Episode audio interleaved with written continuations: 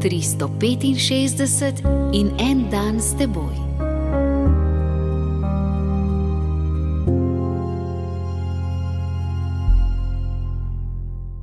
Iz apostolskih del 15. poglavje, vrstice od 25 do 34. Okoli polnoči sta Pavel in Sila molila in pela Bogu hvalnice, drugi etniki pa so ju poslušali. Neumnež bo rekel: Odslej se bomo pač vsi trudili, da bomo postali strokovnjaki za oznanjevanje v prispodobah in problem evangelizacije je rešen. Iskrico vzpostavljenega stika prižge samo čudenje nad drugačnim življenjem, ki ga izpričujejo kristijani. Pavla in Sila so predtem divje pretekli.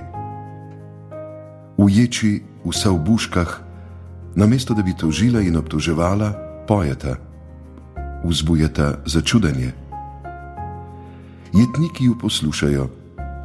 Oh, kaj ne pade na pamet tema dvema? Potres zamaje ječo in potrga verige. Pavel in sila ne zbežita. Kakšno čudo! In nova logika prepriča druge. Jezus začne svoje oznanjevanje s tem, da vzbudi val začudenja, ki na to spremlja vse njegovo življenje in doseže vrhunec pod križem.